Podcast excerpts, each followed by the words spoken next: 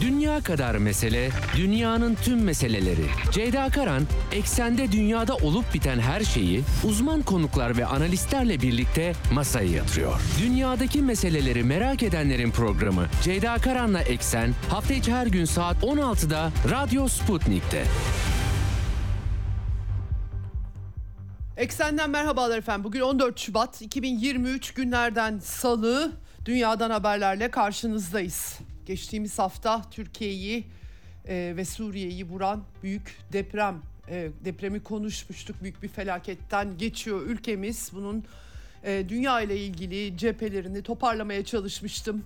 Pek çok olay gerçekleşti. Bir haftayı aşkın bir haftalık e, 8 günlük süre içerisinde e, hayat maalesef devam ediyor. Yaralarımızı sarmaya çalışıyoruz ve e, ben de gündemime bugün itibariyle geri dönüyorum. Çok sayıda gelişme var. Tabii ki deprem bölgesinden gelişmeleri de kısmen e, aktaracağım size. İç haberleri arkadaşlarım aktarıyor.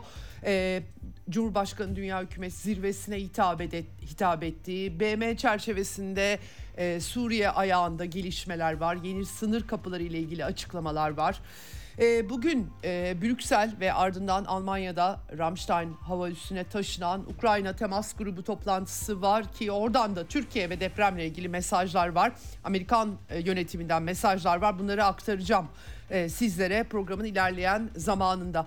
Geçtiğimiz hafta biz depremle e, uğraşırken, depremle ilgilenirken, odaklanırken Amerika Birleşik Devletleri'nin bir Çin balonu krizi dünyada patladı. Tabii Türkiye'deki gündem bütün dünyayı da etkiledi belirtmek gerekiyor. Ee, sonlarına doğru bir de UFO krizi tanımlanamayan uzaydan cisimler krizi patladı.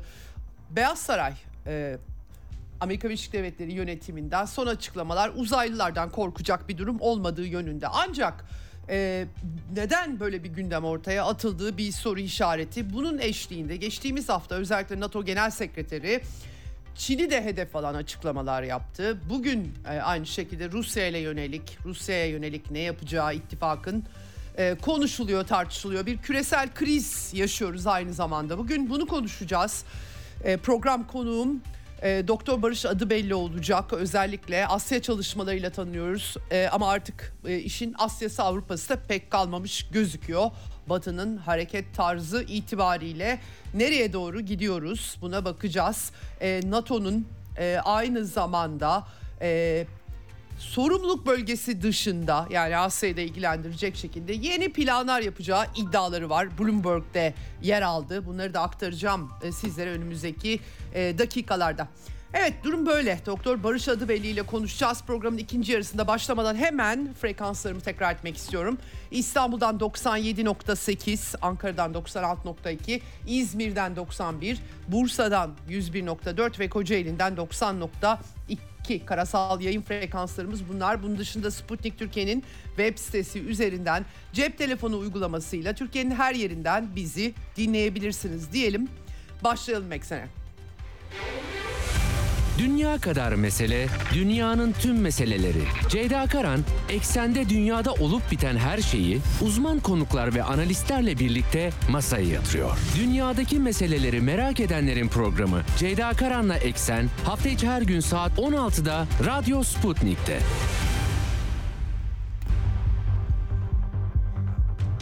Evet.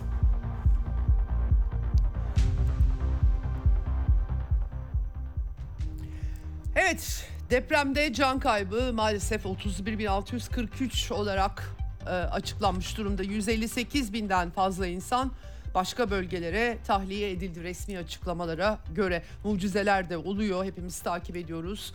E, 185 saat sonra, e, pardon 198. saatte 21 yaşında Abdülbaki ve e, aynı zamanda 18 yaşındaki Muhammed çıkartıldı. Gerçekten yüreklere su serpiyor bu mucizeler.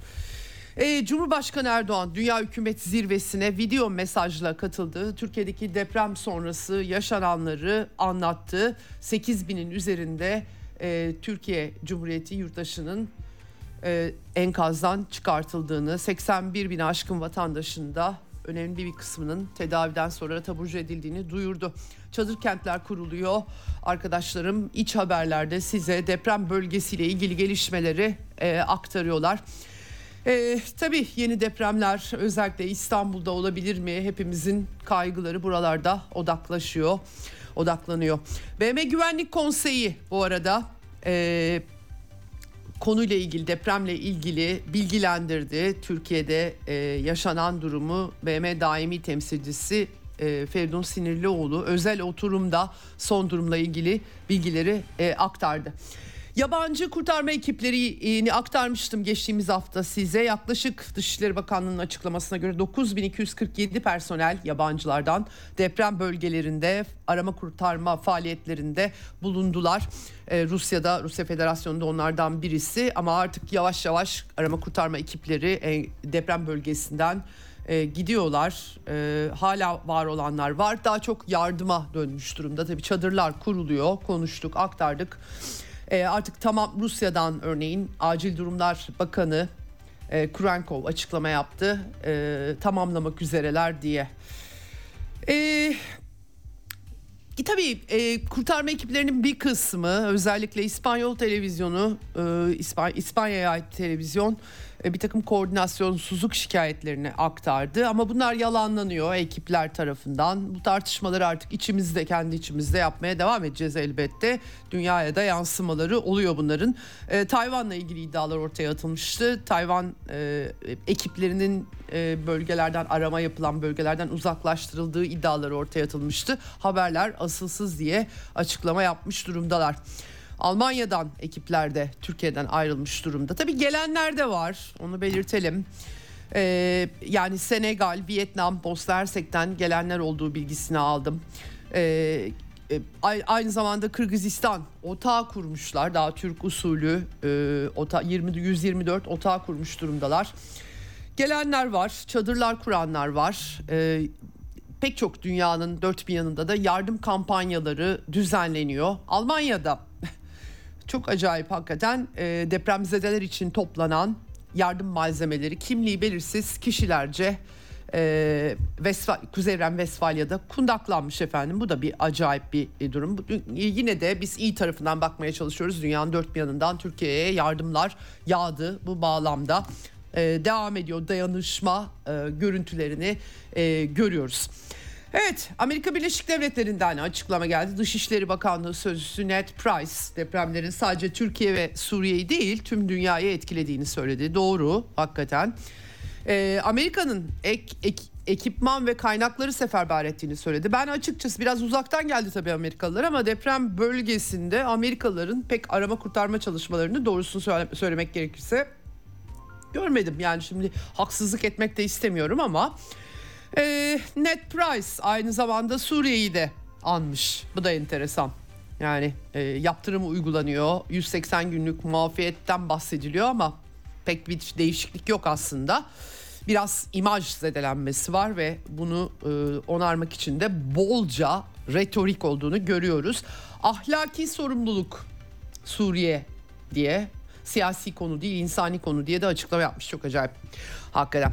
Amerikan Savunma Bakanı bugün birazdan aktaracağım NATO e, Brüksel'deki NATO karargahında bir temas grubu toplantısı yapıldı. E, Ramstein'da da e, e, ben de dünyanın ucunu kaçırdım depremle ilgilenmekten hakikaten bazı şeyleri e, yerlerini yanlış aktarmadığımı umut ediyorum. Ramstein'da da çünkü bir e, hazırlık olduğunu görüyorum Brüksel'in ardından temas grubu toplantısı açılış konuşmasında Lloyd Austin Türkiye ve Suriye'deki depremleri andı. Başsağlığı diledi. E, birlikte çalışmaya devam edeceklerini e, söyledi. Stoltenberg'in NATO Genel Sekreterinin açıklamaları vardı. Bilan, bilanço hepimizi korkuttu dedi. Tabii Ukrayna ile ilgili aslen açıklamaları ama e, çok e, NATO müttefiklerinin Türkiye'ye destek sağladığını e, sağlamaları gerektiğini e, dile getirdi. Böyle bir çerçeve var. Bu arada e, Rusya'dan Dışişleri Bakanlığı'nın e, Avrupa Dairesi Direktörü S-400 hava savunma sistemleriyle ilgili tedarik konusunda hassasiyeti bildiklerini ve e, Türkiye tabii e, ABD'den F-16 anlaşması kotarmaya çalışıyor. E, e, aynı zamanda İsmail Demir e, eğer F-16 savunma sanayi başkanı olarak F-16 jetleriyle ilgili anlaşma gerçekleşmezse Su-35 jetleri alımını değerlendirebileceklerini söylemişti. Dikkat çekici yani depremin zamanlaması da bu anlamda jeopolitik anlamda e, önemli ipuçları veriyor bize. E, bu konuda başvuruları değerlendirmeye hazır olduklarını dile getirmiş vaziyette. Şimdi birazdan aktarmaya başlayacağım son notlarımı e, e, e, aktarıyorum depremle bağlantılı. Tabii Türkiye'de Hatay'dan büyük bir göç var. Yaşanacak yer kalmadı artık. Demografik değişim kaygıları var. Kimileri bunun abartıldığını söylüyor. Ee, sınırdan, sınırın sıkı kontrol altında olup olmadığı da tartışılıyor. Dışişleri Bakanı Çavuşoğlu bu konuda açıklama yaptı. Sığınmacı akını iddialarının asılsız olduğunu söyledi. Zor bir durum. Ee, yeni kapılar açmaya çalışıyoruz dedi. Yani zaten 8 gün geçti. Suriye'de e, artık arama kurtarma çalışmaları da tamamlanmak üzere. Kapı açılsa e, bu saatten sonra işte yardımlar için geçişler olabilir. Cilve gözü Babül Hava. Yani onun dışında e, başka ne olacak çok anlayabilmiş değilim. İsrail Dışişleri Bakanı Eli Cohen geldi Türkiye'ye. Yunan Dışişleri Bakanı'nın ardından deprem diplomasisi de devam ediyor. E, büyük yardımları oldu İsrail'in. Bunun altını çizmek gerekiyor derhal hızla. Ki bu konularda hep bir dayanışma var Yunanistan ve İsrail ile Türkiye arasında. Orada da yangınlar, depremler olduğunda aynı şey gerçekleşiyor. Çavuşoğlu ile ortak basın toplantısı yaptılar. 12 saat sonra ilk ekibi gönderdiklerine dikkat çekti Eli Cohen. E, ve e, bunun tabii İsrail ile ilişkilere olumlu etkileri üzerinden açıklamalar yapıldı. Tabii e, Filistin'deki gergin durum meclisi e, Mescid-i Aksa statüsünün korunmasının altını çizmiş Dışişleri Bakanı. Evet şimdi Suriye meselesi daha konuşacağız. Bu hafta ben de tekrar konuşacağım. Biraz küresel gündeme dönmek istedim bugün için. Ee, Rusya Suriye'ye en çok yardım eden ülkelerden birisi. En son e, Hümeymim üstündeki e, depoları da depremzede Suriyelilere açmış durumda. Rusya Federasyonu arama kurtarma faaliyetlerinde aktif rol oynadılar. Birleşmiş Milletler Genel Sekreterinin bir yazılı açıklaması olmuş. E, e, beş, e, Şam yönetiminin e, Babös Selame ve El Raik noktalarını açma kararı aldığını, bundan memnuniyet duyduklarını söylemiş. Evet, şimdi e, Suudi Arabistan Suriye'ye ilk yardım 10 yıl sonra Şam'a havaalanına Suudi Arabistan'dan yardım uçağı indi. Bu dikkat çekici bir gelişme. Daha çok Birleşik Arap Emirlikleri çünkü öne çıkıyor Suriye ile normalleşme başlığında. E, bu depremde Suudi uçağının e, Suriye'ye iniş yapmasına Amerikan yaptırımlarına rağmen e, vesile e, olmuş durumda efendim. Böyle bir çerçeve var deprem bağlantılı olarak dünyada. Ama dünyada sular ısınıyor desek yeridir. Ukrayna çatışması tabii ki hızını kesmedi. Özellikle Bahmut Artemovsk bölgesinde Rusya Federasyonu'nun özel harekatta ilerleyişin devam ettiğini söylemek gerekiyor.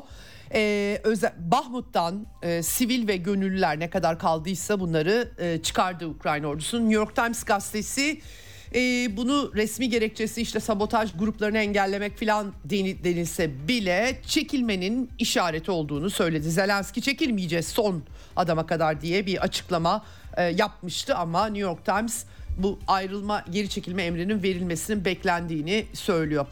Ee, bir de ben size e, arada e, geçen hafta aktarmıştım. E, Elon Musk e, Starlink'i e, SpaceX'in başkanı açıklama yapmıştı. Ukrayna'da e, askeri amaçlı kullanılıyor. Bu art buna izin veremeyiz. E, askeri çatışmalar için bu Starlink uyduları vasıtası çünkü ordu kullanıyor bunu. Saldırı silahına dönüştürüyor yani. Böyle bir açıklama yapmış. Büyük tepki çekmişti. Elon Musk'ın tutuklanması gerektiğini bile söyleyenler çıkmıştı. Musk bu arada eski NASA astronotu e, Scott Kelly'nin Twitter'dan kendisine yazdığı e, mesaja yani Starlink'i açın mesajını. Burada kapandı mı kapanmadı mı çok muğlak işin o tarafı ama Musk ona yanıt vermiş ve demiş ki e, Starlink'i e, Ukrayna'nın iletişim şeyi olarak 3. Dünya Savaşı'na yol açabilecek biçimde kullanılmasına izin vermeyeceğiz dedi. Çok enteresan bir çıkış oldu bu. Ticari terminallerin askeri değil özel kullanım için olduğunu söyledi. Bakalım ne olacak bu konuda e, somut olarak bilgiler e, mutlaka gelecektir. Kullanılıyor mu, kullanılmıyor mu diye. Diğer yandan tabii e, Rusya Federasyonu'nun 8 yıllık iç savaşın ardından Kiev'de 2014 darbesinden sonra başlattığı özel harekatta birinci yılda olmak üzere 24 Şubat öncesinde 21 Şubat'ta Rusya Devlet Başkanı Vladimir Putin e, meclise hitap edecek, yıllık konuşmasını yapacak. Dikkatler oraya çevrilmiş durumda. George e, George W. Bush, Bush diyorum Joe Biden Artık ikisini de aynı kefeye koyduğum için.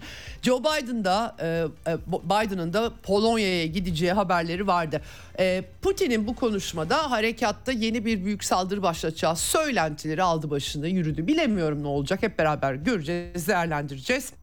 Fakat öncesinde Kanada ve Fransa Dışişleri Bakanları özellikle Belarus'ta bulunan vatandaşlarını terk etmeleri için uyaran bildiriler yayınladılar. Brezilya'nın da e, ki Lula da Silva e, bu karambolde geçtiğimiz hafta ABD'yi ziyaret edip Joe Biden'la görüştü. Yine kısaca aktarmıştım size. E, savaşta taraf olmayı reddediyor Brezilya yönetimi Lula liderliğinde. Brezilya'nın ise vatandaşlarını terk etmeye çağırdığı iddiaları yalanlandı Brezilya Dışişleri Bakanlığı tarafından.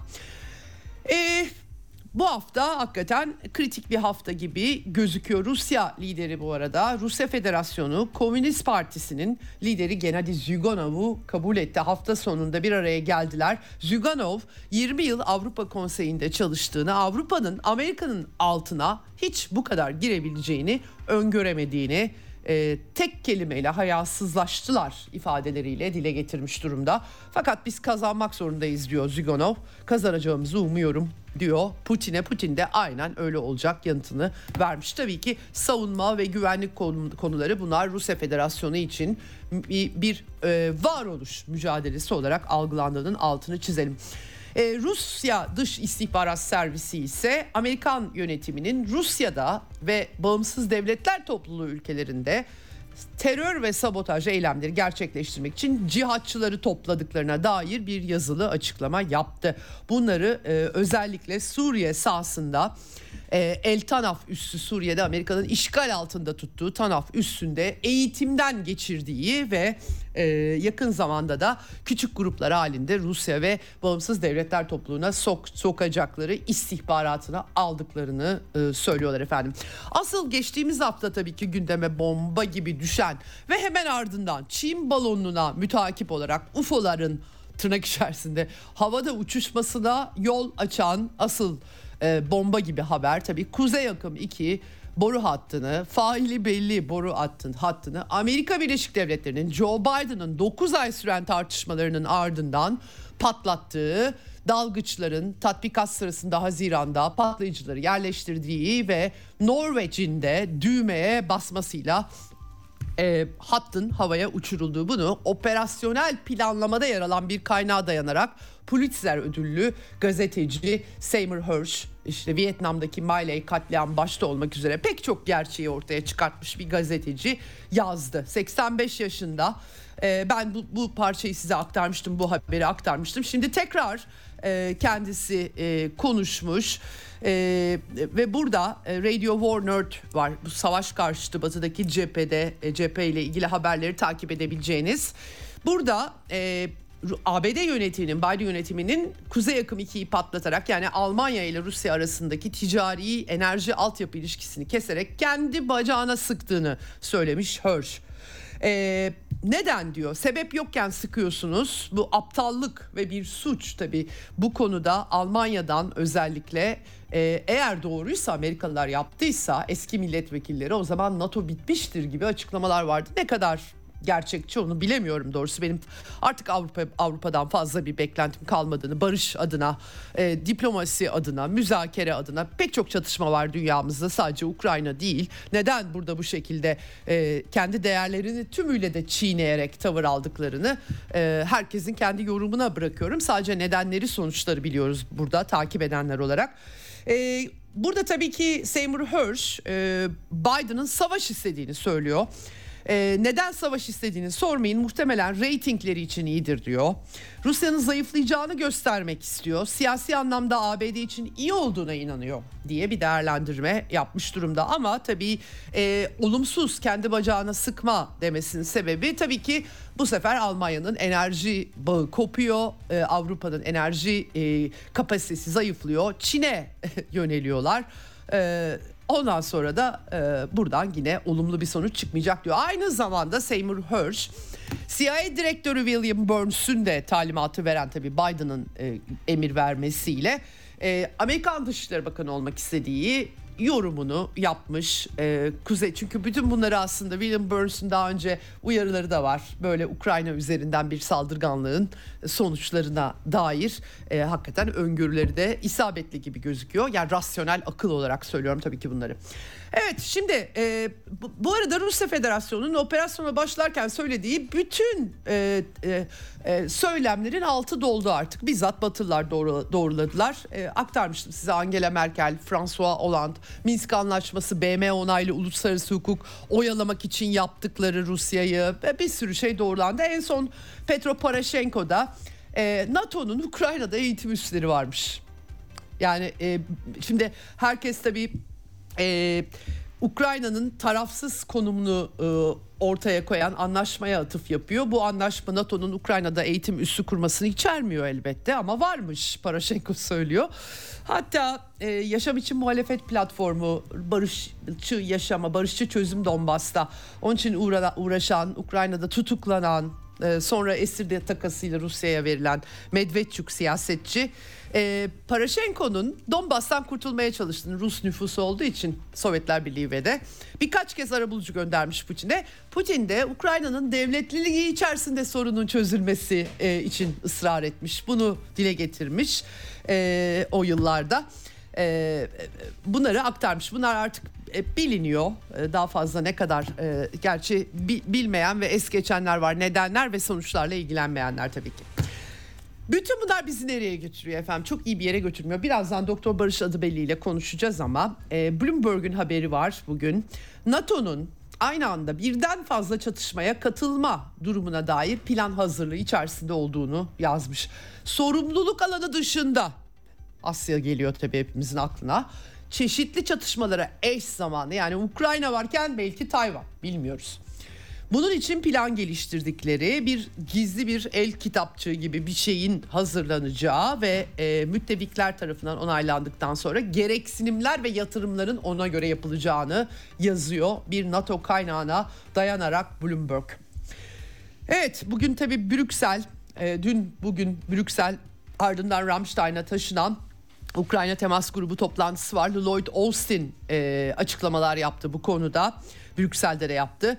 E, bu konuda işte Ukrayna'ya her türlü e, destek, bahar saldırısı beklentisi içerisinde sadece silah sağlanmaması ama endüstriyel girişim yani silah sanayinin gazlanması çıkıyor buradan. 50 milyar dolarlık e, ölümcül silahlar verdiklerini dile getirmiş. Bunu özgürlük mücadelesi olarak anıyor bu arada çok enteresan bir biçimde e, e, sözlerimizi tutacağız dedi. Yalnız tabii biraz sıkıntı var. E, tank verecek ülkeler var. 8 ülke Polonya, Çekya önceden ellerindekileri gönderecekler ama Almanya, Hollanda, e, Fransa, İtalya Patriot hava sistemleri e, sağlayacaklar. Bunlar tekrarlanıyor bu şekilde.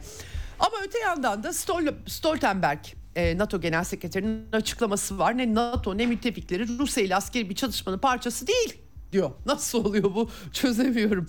Ee, yani e, hakikaten bu bir yıpratma ve lojistik savaşıdır ifadelerini kullanmış. Diğer yandan kendisi de 2014'ten beri zaten bu iş devam ediyor. Yeni başlamadı. Hani 2022'de Rusya canı sıkıldı. Ben bir ülkeyi ziyaret et, e, ziyaret diyorum. E, işgal edeyim dedi diye bir durum olmadığını izah etmeye çalışıyoruz size. NATO Genel Sekreteri kendi söylüyor. 2014'ten beri Ukrayna ordusunu eğitiyoruz. Bu e, 2020 2022'de başlamadı olmadı diyor. İttifakı çatışmanın değiştirmediğini ama kolektif savunmayı bunu tabii savunma olarak sunuyorlar. Yani her türlü saldırganlığı yapıp ondan sonra biz kendimizi savunuyoruz diyebilirsiniz. Elbette orada ne yapacağız? Diplomasiye bakacağız. Kim hangi anlaşmaları uygulamış, kim uygulamamış? Kim uluslararası hukuktan bahsediyor ama uluslararası hukuk dediğimiz şey bir rıza mekanizması. Kim ona uymamış ona bakacağız. Başka türlü bunun yolu e, yok hakikaten. E, zaten ortak görev grubu kurmuştu NATO 2014'teki çatışmadan sonra dondurulmuştu ve Rusya Federasyonu bu işi Ukrayna içerisinde özellik dil haklarıyla çözmeye çalışmıştı Minsk anlaşmasıyla ama olmadı tabii. Evet fakat e, Ukrayna e, savaş jeti vermiyorlar. Çok enteresan. F-35'ler çok sükse aygıtlar. Türkiye'de mesela çok tartışılıyor. E, e ABD'nin yaptırım uygulaması, programdan çıkartılması, S-400'ler yani o ayrı bir tartışma konusu ama madem bu F-35'ler bu kadar şahane e, araçlar Ukrayna'ya neden verilmiyor? İşte diyecekler ki NATO e, bu işin içine girmek istemiyor. Bilemedim yani hakikaten şüphe uyandırıcı işler. Velhasıl bu arada Stoltenberg görev süresi uzatılabilir deniliyordu ama ayrılacakmış Ekim'de. Yerine de İngiliz medyasına göre e, İngiltere'nin militarist savunma bakanı Ben Wallace düşünülüyormuş. Aday olarak değerlendiriliyormuş. Joseph Borrell da bugün e, diplomasi şefi, savaş şefi gibi bir şeye dönüştü Avrupa Birliği'nin. O da katılıyor toplantıya. O da yeni öneriler sunacaklar. Avrupa Barış Fonu'ndan karşılanacak bu arada. O kadar ironik ki savaş Avrupa Barış Fonu'ndan fonlanıyor böyle bir savaş. 20 Şubat'ta Dışişleri Bakanları toplantısı var Avrupa Birliği'nin. Savaş uçağını soruyor herkes tabii verecek misiniz vermeyecek misiniz diye. Bakacağız yanıtını vermiş Joseph Borrell. Almanya Savunma Bakanı e, Iris'te hava savunma sistemleri verilecek önümüzdeki ay. Gepard uçak savar kundak motoru için mühimmat üretiminden bahsediyorlar. Savaş sanayi hızla çalışmaya başlıyor e, batıda. E, Ukraynalılar Leopard tankları için eğitime başlamış durumdalar. Dikkat çekici olanı dün aktarmıştım e, Dışişleri Bakanı Bayer Boh. Savaş uçağı gündemde değil çocuk oyuncağı değil gibi bir açıklama yapmıştı. Gerçekten e, enteresan. Finlandiyalı Dışişleri Bakanı ile görüşmesinde. Finlandiya'da tank konusunda, Ukrayna'ya tank verme konusunda henüz karar vermemiş. İspanyol Savunma Bakanı bizim valla verecek savaş uçağımız yok açıklaması yapıyor. Karambol'de bir de Pakistan, Hindistan medyasının iddiası tabii bu. Grad çok namlulu roket atarlar için 11 roket göndermiş. Ukrayna'ya. Rusya'dan ucuz petrol alıyor bir yandan Ukrayna'ya. Bir de böyle ülkeler var tabii ki iki tarafa da e, tarafsız e, konuma çekip kendini çalışan. Evet şimdi ee, böyle bir çerçeve var. Bir de ekonomiden birkaç başlıkla hemen balonlara ve UFO'lara birazdan bağlanacağız konuğuma çünkü 35 geçe. E, gaz e, depoları Avrupa Birliği'nin Avrupa Komisyonu'nun açıkladığı rapora göre gelecek yıl bu yıl içerisinde daha doğrusu kışa doğru kışın sorun yaşayabileceklerini tespit etmişler. Herkes bütün enerji uzmanları zaten bunu söylüyor. E, bu şeyi kurtardık bu e, yılı diyor. Bu arada e, raporun içerisinde zaten Rusya'dan yaza kadar bol bol alıp depoları doldurduklarını e, anımsatmamışlar. Nereden geldi o e, ga, e, gaz, enerji? Yok onun yanıtı yok artık nedenler ve sonuçlar maalesef batı dünyasında yok. Rusya yaptırımlara rağmen petrol sondaj rekorunu kırmış Bloomberg'e göre yaptırımlarında bu alanda zarar verdiğinin çok az işareti varmış. Amerika ise stratejik petrol rezervlerinden 26 milyon varil daha petrol satışı yapacak fiyatların yükselmesi yine konuşuluyordu, tartışılıyordu. İsviçre Rusya'nın 8 milyar civarında dolar civarında varlığını e, dondurmuş. Tarafsız İsviçre artık tarafsızlığı terk ediyor. Bunu belirtmek gerekiyor. Tabii bütün bunlar e, bir soygunculuk olarak görülüyor. Ve Münih Güvenlik Konferansı 17-19 Şubat'ta yapılacak. Pek çok lider katılıyor Münih Güvenlik Konferansı'na. Ukrayna'dan katılımcılar olacak. Rusya yok tabii ki. E, bir de rapor yayınlamışlar öncesinde. Dünyanın yarısı Rusya'nın tecrit edilmesine karşı çıkıyor diye kendileri raporlamış e, durumdalar. Evet, e, bir Münih'te e, Çinli e, Çin Dışişleri Bakanı'nın da e, Münih konferansına katılması bekleniyor. Rusya'yı davet etmiyorlar tabii ama bu vesileyle e, balon krizini aktaracağım şimdi konuma bağlanmadan önce. Amerikan Dışişleri Bakanı balon krizinde Çin ziyaretini hem Xi Jinping tarafından ağırlanacaktı, iptal etti. E, acaba Münih'te bir Dışişleri Bakanları buluşması olabilir mi diye soruldu. Ama e, Amerikan Dışişleri Yard Bakan Yardımcısı Wendy Sherman bunu dışlamış. E, açıklayacak bir şeyim yok diyerek bakalım olacak mı? e, Münih konferansını da önümüzdeki hafta daha çok konuşabileceğiz. E, Rusya'nın Amiral Gorshkov e, gemisi meşhur. E, o da Güney Afrika'ya gitmiş durumda. Çin ve Güney Afrika ile ortak tatbikatları var. E, Pentagon'da işte şimdiden Rusya, Çin, İran işbirliği içerisinde e, tartışmaları yapılıyor. Bununla ilgili açıklamalar elbette var. İran Cumhurbaşkanı İbrahim Reisi de bugün Pekin'i ziyaret ediyor. E, Xi Jinping tarafından kabul edildi. E, işbirliğini ticaret, tarım ve altyapıda geliştirmeye hazır olduklarını Çin lideri dile getirmiş durumda.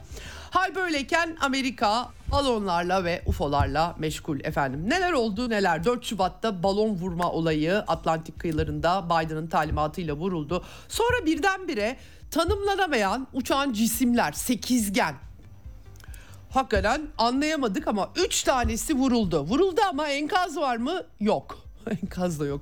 Nasıl yok? Ortadan bir yok oldu? Herkes ne oluyor? Uzaylılar istilası mı var e, diye sormaya e, başladılar. Bir yandan da e, nihayet açıklama yaptı e, Pentagon, Beyaz Saray e, daha doğrusu Ulusal e, Güvenlik Stratejik İletişim Koordinatörü John Kirby. Bir yandan Çin balonu ile ilgili açıklamaları var. Bu konuda e, müttefikleriyle beraber Çin balonları her yerde uçuşuyor diyor. öyle öyle söylüyor. E, diğer yandan uzaylılardan endişe etmeye gerek yok. Kanada, Alaska ve Huron Gölü'nde 3 nesne vurulmuştu. E, çok pahalı füzelerle vuruldu ama enkazları yok. Hakikaten çok acayip bir şey. E, Çinliler öfkeli. Çin Dışişleri Sözcüsü açıklama yaptı. Amerika'nın gözleme balonlarının Çin'in sürekli üzerinde dolaştığını söyledi. Geçen hafta NATO Genel Sekreterinin Çin'le ilgili sert açıklamaları vardı. Böyle ortalık karışmış durumda. Bugün e, e, dün akşam daha doğrusu Edward Snowden bu yasa dışı dinlemeleri Amerika'nın bunun ifşacısı UFO paniğinin dikkat dağıtma taktiği olduğunu söyledi.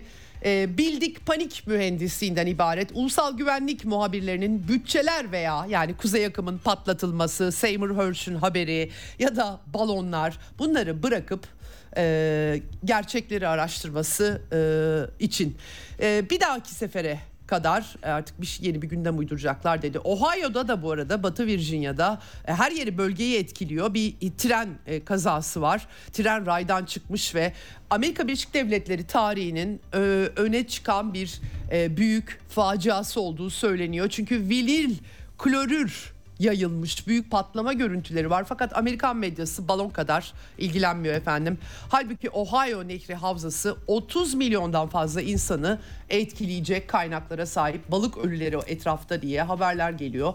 Ee, tabii ki Amerikan medyası ilgilenmeyince biz de sağlıklı haber alamıyoruz. Evet şimdi konuğum telefon hattımızın diğer ucunda Doktor Barış e, adı belli. Hoş geldiniz efendim yayınımıza. Hoş bulduk efendim. İyi yayınlar diliyorum.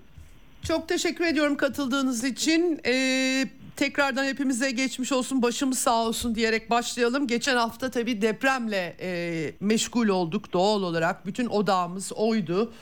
E, fakat tabii dünyada e, hiçbir şey durmuyor ve gerilim sürekli tırmanıyor. Çin balonları, UFO'lar, e, NATO toplantıları derken siz e, e, yakından küresel gündemi takip ediyorsunuz biliyorum.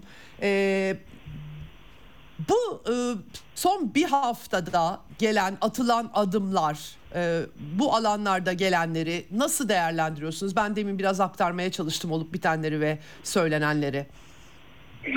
Ee, öncelikle tekrar milletimizin başı sağ olsun. Ölenlere Allah'tan rahmet diliyorum. Yaralılara acil şifalar. Ee, tabii şimdi e, aslında bunu sizinle daha önce planlamıştık ama e, evet. o planlamada bir balondan bahsediyordu. Şimdi balon benzeri evet. başka şeyler var. Tanımlanamayan e, objeler evet. söyleniyor. Aslında olay şu aslında Edward Snowden e, doğruyu söyledi. Bir mühendislik bu. Bir e, gündem değiştirme. Daha çok Biden için bir ihtiyaç çalışması. Zira e, birliğin durumu konuşması yapılacaktı. Tam bu sırada yani bunun hemen öncesinde bir balon hadisesi ortaya çıktı. Bakın o gün anketler yayınlandı. Birliğin durumu konuşması sırasında başkanla ilgili anketler yayınlandı ve Biden'a destek çok düşük. Dahası 2024 seçimlerinde kendi partisinin verdiği destek bile yüzde otuzlarda. Dolayısıyla biraz önce tren dediniz raydan çıktı. Esas felaket Amerikalılar için siyasi felaket Biden yönetimi raydan çıktı şu anda. Dolayısıyla Biden'ı kurtarmaya yönelik Biden'ı kurtarmaya yönelik bir operasyon gibi gözüküyor. Çünkü bir gözlem balonu Şimdi mesele şu. Pasifik Okyanusu'nun bir tarafında Amerika Birleşik Devletleri var. Doğu tarafında. Batı tarafında Çin var. Arada muazzam bir okyanus var. Ve bu okyanusun ortasında hava adaları var. Şu anda hava adaları bir Pasifik komutanlığına ev sahipliği yapıyor. Yani Amerika'nın meşhur Pasifik komutanlığı. Sonra adını değiştirdi. Bunu niye söylüyorum? Buradaki izleme ve dinleme istasyonu bütün Pasifik'i yakından takip ediyor. Tıpkı NORAD gibi. Şimdi dolayısıyla yani Çin'den bir balon çıkacak. Pasifik'i geçecek. E işte yani nasıl olabilir? Amerika ya nasıl Hawaii'ye takılmadan, Hawaii'deki komutanlığa takılmadan bir de şunu söyleyin. 2001, 11 Eylül 2001 saldırılarından sonra Amerika hava savunma sistemlerini yeniledi. İnanılmaz radar sistemleri kurdu. Yani sinek uçamaz. Yani bırakın balonu sinek dahi girse haberi olacak şekilde güncelledi. Bir şey sorabilir miyim? Çok özür diliyorum. A- araya girip bir şey sorabilir miyim? Şimdi ilk geldiğinde bir 65 bin fit diye gelmişti. Evet. Benim görebildiğim kadarıyla zaten burası uluslararası sular gibi bir şey değil mi? Yani çünkü uçakların uçtuğu yer var. Evet. Savaş uçaklarının uçtuğu yer var ve onun ötesi uzay var. Yani bu stratosfer gibi bir şey yani. Stratosfer gibi. O, orası hava sahası kabul edilir mi? Bir de onu sorayım size. Şimdi şöyle e, 18 kilometreye tekabül ediyor o zamanki 40 bin fit. Amerika Birleşik Devletleri'nin şu anda 19 hava sahası, hava sahası 12 e, deniz mili. Yani bu yükseklik. Ondan ötesi zaten e, 111 kilometreye kadar da uluslararası uçuş. Yani e, Amerika'nın şu anda kilometre olarak söylersek hava e, sahası ya da yüksekliği diyelim 22.2 kilometre. Yani bu da şeye tekabül ediyor. O balonun aslında Amerika tamam. sahası içinde. Ancak e, burada tabii şu var. E, dün John Kirby de açıkladı. E, ticari uçakların uçuş yüksekliklerini tehdit ettiği için bu sonradan çıkan dört tane cisim daha var. Onları O başka. düşürdük Evet, falan dedi. evet, yani evet. yine aslında bu hava sahasıyla ilgili problem. Şimdi 80 bin fite çıksaydı vuramazdık dedi şey Pentagon. Onun için dedi bir an önce vurur. Mesele şu. Şunu diyorlar. Bir, Amerika hava sahasına bu nasıl geldi? Biraz önce anlattığım olay hiç havayı görmedi. İki, Cumhuriyetçiler diyor ki Biden'a, bu ilk balonu söylüyorum. Niye bir hafta Amerikan semalarında gezmesine izin verdin? Yani ilk gördüğü yerde niye vurmadın? Şimdi bunu cevaplayamıyorlar. E, vurdular. Enkazını alacağız diye suya düştü. Enkaz çıkarıldı. Şimdi halk soruyor. Kamuoyu diyor ki enkazdan ne çıktı? Hadi Ne o motorları gösterin. Kameraları gösterin. Şimdi bir şey gösteremedi FBI. O laboratuvar inceleniyor. Çünkü herhalde anladığımız kadarıyla bir gözlem balonu çekti. Şimdi Evet, bunun evet. e, cevabını veremeyince gündemi değiştirme adına 3-4 tane yeni cihaz çıktı. Bir şeyler uçuyor. Biraz uzaylıları pompaladılar. Dün de uzaylılar yok dendi. Ama arada ne oldu biliyor musunuz Ceyda Hanım? Önemli siyasi sonuçlar oldu. Mesela Blinken'ın tek ziyareti iptal edildi ki gereksiz bir Evet, evet. E, o o çok o kadar- çok önemli değil miydi? Yani Xi Jinping Evet, adeta tabii, bir jest tabii. yapıp ağırlayacaktı hani e, bu Evet. bağlamda. Bakın- Evet, buyurun. Şimdi o şunlar çok önemli. Bakın e, daha önce biz 2001 yılı Nisan ayında EP-3 casus uçak krizini gördük. Yani Çin ile Amerika arasında işte Amerika'nın bir casus uçağı zorla Hainan Adası ve Çin tarafından indirildi. Hava sahası ihlal edildi falan. Uzun hikayeler. O zaman da bunu bayağı bir yazdık çizdik. Şimdi oradaki meselede bile Çin Amerika ilişkileri bozulmadı. Çünkü Çin bir pilotunu falan kaybetti. Bayağı mesele e, kompleks bir meseleydi. Bu balon meselesi daha hafif. Ancak mesele şu. Aslında yazdan beri Amerika ile Çin arasında bir buzların erime süreci var. Özellikle Bali zirvesinde, G20 zirvesinde buzlar gerçekten eridi. İlk defa Amerika Pasifik'te müttefiklere tehdit, olarak, tehdit olarak Çin değil Kuzey Kore'yi gösterdi falan. Blinken'ın gitmesi de o zaman kararlaşmış. Ancak Şimdi Amerika'nın tabii Çin'den gözlemlediği kadarıyla Rusya'dan yavaş yavaş Çin ve Hindistan'ın ayrıştığı, üstü kapalı olarak bazı zirvelerde Çin'in Rusya'nın bu savaş politikasını e, efendim eleştirdiği gibi bazı izlenimlere sahip olduktan sonra esas gelişme Moskova'dan geldi. E, Putin biliyorsunuz Xi Jinping'i e, Rusya'ya davet etti. E, ve gelen haberler e, yakın zamanda Xi Jinping e, Moskova'yı ziyaret edecek. İşte bu aslında bardağa taşıran damla oldu. Çünkü Amerikalıların hayal kırıklığına uğratan mesele bu. Yani Xi Jinping nasıl olur da Putin'e tam da savaşın yıl dönümünde denk gelecek şekilde gider şeklindeki e, süreçte bu şeyi Blinken'ın bahane edip Blinken'ı da e, burada iptal ettiler. Aslında Blinken gitseydi bence bu mesele e, bu kadar yükselmeden çözülür. Aslında tek taraflı bir kriz. Amerika kendi kendine, Anladım. kendi kamuoyuna oynuyor. Ama Evet. mesele şu e, biliyorsunuz Biden 20'sinde Polonya'ya gidiyor. Tahmin Evet. ediyorum Xi Jinping de bu önümüzdeki haftalarda Moskova'yı ziyaret edecek. E, bu da bir başka süreç başlıyor. Tabii olmasaydı iyiydi. Amerikan-Çin ilişkilerinin bozulması bu yönde bir anlamlı değil. Fakat işe bir de biliyorsunuz NATO karıştı. Şimdi NATO, İngiltere, e, Evet. Onu soracaktım. Yani Buyurun. Stoltenberg geçtiğimiz hafta biz tabii deprem gündemini aktardık. Doğru düzgün ben de aktaramadım. Ama Stoltenberg doğrudan Çin'i hedef alan açıklamalar yaptı. Balon krizinden tut da yok 5. madde balon üzerinden 5. madde falan tartışıldı tabii ki 5. maddeyi gündeme e, doğrudan getirmediler. Bunu tartışmanın yolları var, yordamları var. Batı'da biliyoruz geleneksel olarak ve Çin'den de çok sert açıklamalar geldi açıkçası. Hem Amerika'nın balon hikayesindeki tutumuna dair hem e, Stoltenberg'e yanıt olarak ayrıca Çin Amerikan balonlarının kendi tepelerinde sürekli uçup durduğunu söyledi. Onlar da yanıt olarak. Bir şekilde Çin'i de kaşıyorlarmış gibi bir izlenim ediniyorum yani ben kaçınılmaz olarak. E, NATO'nun en son görev sahasının dışında eş zamanlı çatışmalara girişmesiyle ilgili planlar hazırladığı yolunda NATO kaynaklarına dayalarak bir e, Bloomberg'un iddiası var.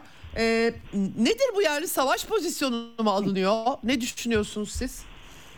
Yani şimdi dünyada en fazla e, istihbarata yönelik alet düşürüldüyse en fazla Amerika'ya ait. 1960'larda hatırlayın Adana'dan kalkan U-2 Sovyet hava sahasında düşürüldü. İşte 2001'de Amerika uçağı zorla indirdi casus uçak Çin'e. Yani dolayısıyla Amerika bir balon meselesi icat etti. Çin'in Çin'in Çin öfkesi de şu. Gerçekten balon. Yani balondan iddialar, e, birbiriyle tutarlı olmayan iddialar ve Çin buna üzülüyor. Şöyle üzülüyor. Yani Amerika gibi ciddi bir ülke en azından daha ciddi iddialarla bari karşımıza gelseydi. Neleri Tayvan işgal, Güney Çin denizinde e, askeri şeyi artırma gibi. Fakat e, gerçekten Amerika kendisini ispat edemediği iddialarla bu yönde Çin'in üzerine geliyor. Burada tabii şeyi unutmamak lazım. Geçtiğimiz e, işte Ocak ayında kaldı ama Amerika Birleşik Devletleri Asya Pasifik'te yine Singapur üzerinden özellikle Filipinler'de Filipinler tabii. Olması evet Singapur'da da bazı girişimleri var. Ondan sonra Japonya biliyorsunuz e, Kishida ile Beyaz Saray'da görüşme. Japonya hızla e, efendim sağlanıyor. Burada şu noktayı da söylerim. Japonya orada barış istemeyen ilk ülke diyelim. Asya Pasifik evet. barış istemiyor. Çin'le barış istemiyor. Kuzey Kore istemiyor. Çünkü bunu bir fırsat olarak görüyor. Silahlanma, silahlanma anlamda. Benim anladığım kadarıyla Amerika buradan cesaret alıyor. Yani Japonya'nın e, hevesli olması Çin'le mücadelede hevesli olması Amerika Birleşik Devletleri için tekrar eskiye dönme e, fırsatı sundu. Ben e, bunu biraz da oradan güç alarak Amerika Blinken'ın ziyaretini iptal ediyor ve şunu unutmayalım Eda Hanım. Hala Pentagon'da e, bir grup diyelim Çin'le olası bir barışı istemiyor. Yani Çin'le ilişkileri e, e, dostane veya barışçıl değil tam aksine rekab hatta rekabeti de geçip çatışmacı bir ilişki türüne dönmesi. Ee, şöyle e, ifadeler var e, Barış Bey görmüşsünüzdür belki. Ekonomik olarak bizi geçecek yani şöyle kapitalizmin hani serbest rekabete dayandığı diye bir iddia sürekli tekrar edilip durulur ya. E, şöyle yazıyorlar. E, Çin bizi ekonomik olarak geçecek. Bunu engellemek için askeriye militarist şeyi güçlendirelim. Yani çok enteresan. Yani, Tabii işin doğasında olduğunu ben farkındayım ama yani söylem olarak söylemin e, ajandaları bakımından çarpıcılığı olarak söylüyorum. Ekonomik olarak bizi e, serbest rekabetle geçebilecek bir gücü askeri olarak ön, önceden engelleyelim. Mantık bu. Onu da, ne dersiniz? Onu da Jap- Japonya'ya ihale ettiler. Şimdi bakın Biden göreve geldiğinde Pentagon nezdinde Çin görev gücü diye bir şey kuruldu. Bir, bir, evet. bir merkez ve Çin'i takip etmekle görevli. Yani bu takip etmek aynı zamanda Çin'e karşı önlemleri de geliştirmek, icat etmekle görevli. Dolayısıyla bu Pentagon'daki, Pentagon'daki bu ekip Çin'le e, buzdan erimesini istemiyor. Ne zamana kadar? Rusya'yı istedikleri kıvama getirene kadar. Şimdi hı hı. Rusya hala güçlüyken Çin'le buzlar eritirse o zaman hiçbir anlamı yok. Çünkü onlara göre işte kendi dünya düzenlerini kuracak bu iki ülke. İşte son dönemde biliyorsunuz BRICS üzerinden öteki mekanizmalar üzerinde yerel para birimleri gibi bir takım açılımlar hala devam ediyor. Ve en büyük şey de şu. Olası bir Rus-Çin ayrılığını bir türlü başaramadılar. Bunu Kissinger evet. söylüyordu. Yani onu yaparsanız belki başarılı olursunuz. Yani o işbirliği sürecini, ortaklığı çözme adına çok hamlelerde bulundular. Bu son Blinken hamlesi koydu. Ancak Xi Jinping'in oraya gideceğini açıklaması yani veya öyle haberlerin gelmesi Çin'den bu şeyi bozdu Amerika'nın. Tabii orada ben Japonya faktörü ayrı belki bir konu başlığı ama yani Japonya önemli. Amerika Birleşik Devletleri'nin gerçekten e, tüm stratejik dengelerini değiştirmesine de neden oldu. Ancak bu işin bir yüzü de bu balon işinin ben biraz önce de söyledim. Biden'ı bir kahraman yapma adına bir PR çalışması. İşte e, Amerikan televizyonlarında görüyoruz hiç durmadan veriyorlar. Biden ben emrettim düşürün diye. Hep bunu veriyorlar falan. Şimdi dolayısıyla Amerika'da işler karışmış durumda. Bir Nikki Haley e, adaylığını koydu Cumhuriyetçilerden. Önemli. Hindistan kökenli. Şimdi dolayısıyla siyaset de kaynıyor Amerika'da. Bütçe meselesi var, tartışmalar var. Dolayısıyla her zamanki gibi önce Ukrayna'yı yaptılar. Bakın geçen yıl Biden'ı kurtarma adına Ukrayna'yı kurban ettiler bu işe. Bu yılda anladığımız kadarıyla Çin balonları üzerinden e, Çin'i herhalde hedefledi. Biliyorsunuz Çin'in geleneksel şeyde de bu e, Çin fenerler önemlidir. Önemli kutlama günlerde Çinliler bunu evet. göğe salarlar. Bu balonu görünce bana bunu anımsattı. İyi ki dedim yani buna Çin feneri falan demedi Amerikalılar. Ama ben sonraki çıkan e, objelerin de bir şekilde Amerika ile ilgili olduğunu düşünüyorum ama Kim Jong-un şunu söyledi siz de takip ettiniz. Dedi ki Rusya e, Çin yeni istihbarat e, cihazları veya bir şekilde aletleriyle artık önümüzde yani önümüzdeki dönem bunları da göreceğiz dedi. Yani şimdi bu ilginç. Rishi Sunak başka bir şey anlatıyor diyor. İngiltere'ye gelirse vururuz. Yani benim aklım almıyor. Nasıl İngiltere'ye gelecek bu balon? Yani bu nasıl bir kapasitesi var bu balonun?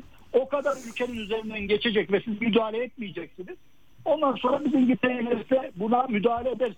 Sonra soru şu. Kanada'nın hava kuvvetleri yok mu? Neden Amerika Kanada hava sahasında evet, bir objeyi evet. buldu? Ve evet, köle düştü evet. ve bunu Amerikalılar çıkartacak şimdi oradan enkazı. Ya çok ilginç şeyler var. Ee, nedir? Ne değildir ama ben bilmiyorum. Amerikan kamuoyu artık bu işi mizaha vurdu. Uzaylılar geliyormuş diyorlar falan. Yani bilmiyorum Amerikan kamuoyu bunu yutacak mı? Yutuyor mu? Ee, ama çok severler gök gökyüzünü seviyorlar biliyorsunuz Amerikalılar. Belki o yüzdendir evet. hakikaten. Peki Abi, çok teşekkür bir ediyorum. Daha yine, bir hafta daha konuşurlar. Ee, ondan sonrası fazla gitmez bu hikaye. Evet. Evet. Peki. Çok teşekkür ediyorum değerlendirme için. Ee, küresel gündemin de e, bir tarafından tutmuş olduk. Çok teşekkürler. Ağzınıza sağlık. Sağ olun. Rica ederim. Kolay gelsin. Yayınlar Sağ olun. Evet Doktor Barış Adıvelli ile konuştuk. O da aslında özetledi. Gerçekten e, bu e, hakikaten Türkiye'de böylesine devasa bir felaket varken dünyada Amerikalılar bir de UFO'lar e, yani gündem değişti çünkü dünyada. Gerçekten herkes Türkiye'deki büyük yıkıma bakıyordu. Yardımlar yağıyordu vesaire. İşte son 3 geçtiğimiz hafta sonunda bir UFO UFO uzaylılarla e, geçirdik. Gerçi Elon Musk dalga geçti. İşte Edward Snowden hem Amerika'nın bu e, Ukrayna çatışmasındaki e, yenilgi halini e, gizlemek çok büyük askeri kayıplar var. Rusya kendi bildiği gibi bu operasyonu sürdürüyor. Eski e, toprağı Ukrayna malum Sovyetlerin üyesi. Bir yandan Seymour Hersh'ün makalesi bayağı bildiğiniz bir NATO müttefikinin diğer NATO müttefikinin altyapısını vurması yani. Diğer yandan Ohio'daki kimyasal e, tren kazası. Hakikaten e, acayip işler dünyada dönüyor. Biz de bakıyoruz, anlamaya çalışıyoruz, size aktarmaya çalışıyoruz, çalışmaya devam edeceğiz. Efendim bugün Eksen'den bu kadar. Yarın görüşmek üzere, hoşçakalın. Ceyda Karan'la Eksen sona erdi. Dünya kadar mesele, dünyanın tüm meseleleri. Ceyda Karan, eksende dünyada olup biten her şeyi uzman konuklar ve analistlerle birlikte masaya yatırıyor. Dünyadaki meseleleri merak edenlerin programı Ceyda Karan'la Eksen hafta içi her gün saat 16'da Radyo Sputnik'te.